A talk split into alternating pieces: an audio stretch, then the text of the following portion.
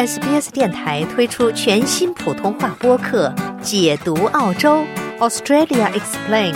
在这里，你可以轻松欢快的了解有关澳洲的有趣知识。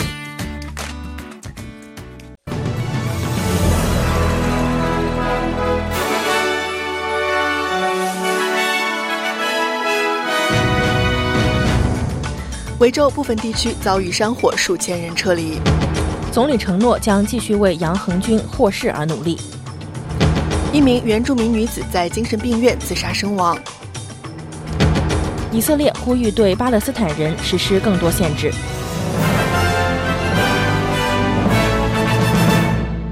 以下是新闻的详细内容。维多利亚州部分地区的山林大火正在肆虐，二十八个社区的数千人昨天被要求撤离。当局已向巴拉瑞特以西的社区发出紧急警告，预计该地区将受到风力变化的影响。大约一千名消防员，包括使用十五架水弹飞机的消防员，正在试图扑救这场大火。维多利亚州州长艾伦表示，居民应该持续关注当地的最新情况。Please continue to monitor your local situation very carefully, whether it's through the the emergency app, the the Victorian. 请继续密切关注当地的情况，无论是通过维多利亚州应急。应用程序还是通过收听当地的广播，与当地社区保持联系。请继续关注您当地的情况，同时也请尊重道路关闭的规定。请尊重当地的许多消防人员，他们需要空间在当地展开工作。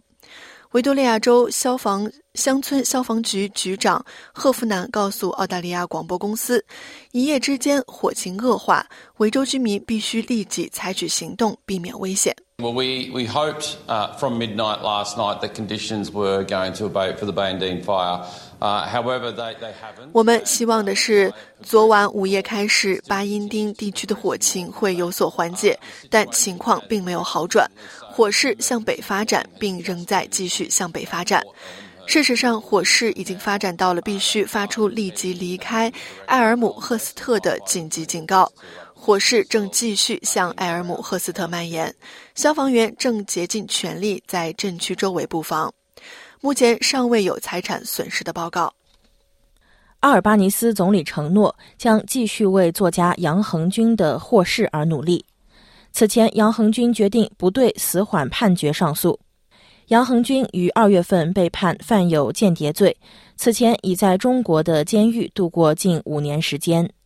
尽管获得了为期两年的缓刑死刑判决，但是他仍面临可能在缓刑期满后被判终身监禁的前景。阿尔巴尼斯表示，政府将努力争取他获释。西南威尔士州卫生部发出警告，提醒人们警惕军团病的症状。该警告适用于在过去十天内曾在 Cambertown 维多利亚公园附近地区逗留过的任何人。军团病是一种由军团菌引起的肺炎，会危及生命，但并不常见。当地卫生区公共卫生临床副主任赫斯博士表示，只有摄入受污染的水才会感染这种疾病。The main kind of symptoms that people have include fever, chills, a cough, and shortness of breath. 人们出现的主要症状包括发烧、发冷、咳嗽和呼吸急促，有时会导致严重的胸部感染，如肺炎。不过，真正重要的是要注意，军团病不会在人与人之间传播，但人们在吸入受污染的水颗粒时会接触到军团病。为购买一套入门级房产，存入百分之二十首付所需的平均时间有所缩短。房产网站 Domain 称，在全国范围内，一对夫妇购买首套独立房屋及 House 的平均存款时间为四年零九个月，这与过去相比少了两个月。与此同时，房价正在上涨，单元房及 Unit 首付的储蓄时间也降至三年零五个月。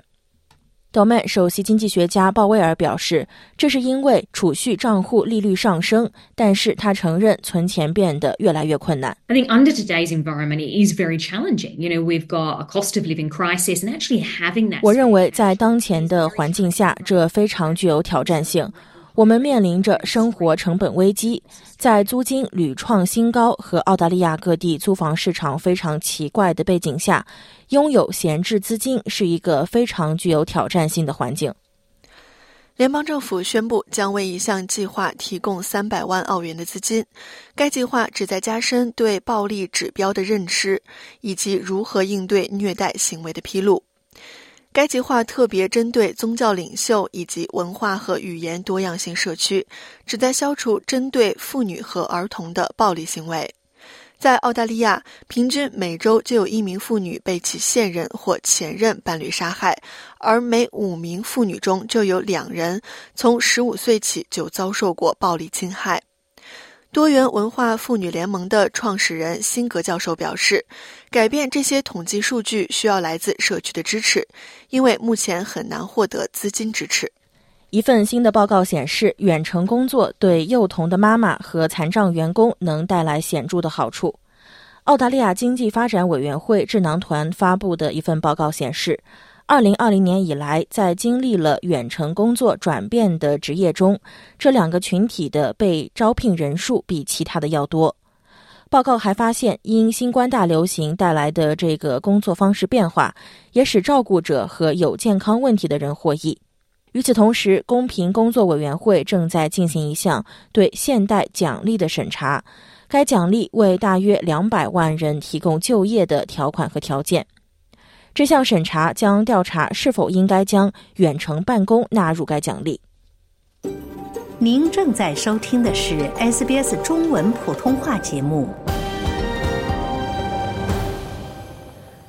听众朋友，欢迎您继续收听 SBS 电台的新闻报道。接下来，我们来关注一下其他方面的消息。西南威尔士州警方透露，正在寻找与两名悉尼男子失踪案有关的警官拉马尔。此前，警方在他们的一处住所和一个垃圾箱中发现了大量血迹以及他们的一些物品。前十号频道记者贝尔德和他的澳航空乘男友戴维斯于周一在悉尼东部失踪，至今杳无音信。昆士兰州州长迈尔斯表示，希望昆士兰州能成为澳大利亚的可再生能源大州。此前，他公布了一项5.7亿澳元的电池产业投资计划。该计划预计到2030年将为经济贡献13亿澳元，并创造9100个工作岗位。他表示，该五年计划将在电池技术和制造领域创造就业机会。并推动行业创新、商业化、投资和供应链的增长。一名女子在墨尔本一家精神病院自杀身亡，她的家人和朋友要求医院对此作出解释。二十四岁的欧文斯·瓦茨上周在圣文森特医院入院治疗。他的母亲沙伦说：“尽管他告诉工作人员女儿有自杀的念头，但医院却没有对女儿进行监护。”沙伦说：“政府需要对显然无法为原住民和托雷斯海峡岛民提供支持的系统进行紧急改革。他们必须得到照顾，得到适当的护理，而不是和其他人一起被扔在一个房间里，任由他们伤害自己。”医院发言人在一份声明中告诉 NITV：“ 他们正在对这起事件进行调查，并已将此事报告给验尸官。”位于堪培拉的澳大利亚战争纪念馆推出了一个新的装置，名为“在痛苦中留下的每一滴血泪”装置艺术，旨在纪念战争和兵役带来的苦难。雕塑家亚顿精心雕刻了十八块来自昆士兰的大理石，总重量达三千公斤，上面布满了铁纹。通过扫描二维码，参观者可以了解更多有关澳大利亚归国士兵的故事。退伍军人洛克表示，这个装置不仅仅是为那些曾经服役的军人准备的。洛克表示，这是为了所有人，没有人不受欢迎，没有人不能从中找到一些意义。至于你从中找到了什么意义，以及如何体验它，这都取决于你自己。世界卫生组织警告说，加沙地带的传染病最终可能比以色列正在进行的敌对行动造成更多巴勒斯坦人死亡。迄今为止，联合国卫生机构已确认了二十万例腹泻病例，与去年相比增加了百分之二十以上。世界卫生组织还确认爆发了约八千例甲型肝炎疫情。世界卫生组织地区应急主任布伦南表示，加沙的卫生系统几乎完全崩溃或即将崩溃，卫生条件差和清洁水的获取是一个主要问题。以色列在加沙发动的战争已导致两百三十万人口中约百分之八十的人流离失所。十月七日，哈马斯领导的武装袭击以色列南部，造成约一千两百人死亡，约两百五十人被扣为人质，战争由此开始。约旦河西岸定居点附近发生枪击事件之后，以色列国家安全部长本·格威尔呼吁对巴勒斯坦人的行动实施更多限制。三名巴勒斯坦人在被占领的约旦河西岸、靠近耶路撒冷的一个以色列检查站附近向驾车者开火，造成一人死亡、七人受伤。本·格威尔表示，预计将设置更多的检查站和限制措施。A very big disaster was prevented here, thanks to the fact that all police officers in the 由 Israeli 于以色列警方的所有警察都携带武器，这里才避免了一场巨大的灾难。我提醒各位，六个月前我曾明确表示，生命权高于巴勒斯坦权力机构居民的行动自由权，犹太居民的生命权高于巴勒斯坦权力机构居民的行动自由权。与此同时，英国和约旦向加沙北部的塔尔哈医院空投了四吨援助物资，包括药品、燃料和食品。这些由英国资助的援助物资由约旦空军运送。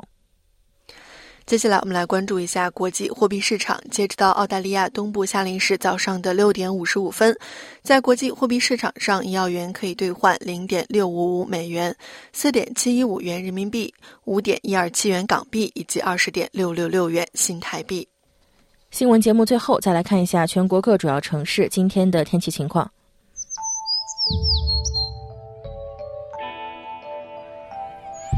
悉尼阵雨，可能有暴风雨，最高温度三十五度；墨尔本时有阵雨，最高温度二十一度；布里斯班晴，最高温度三十四度；堪培拉时有阵雨，可能有暴风雨，最高温度三十一度；阿德莱德晴，最高温度三十三度；珀斯晴间多云，最高温度三十九度；达尔文时有阵雨，可能有暴风雨，最高温度三十三度；霍巴特多云见晴，最高温度二十一度。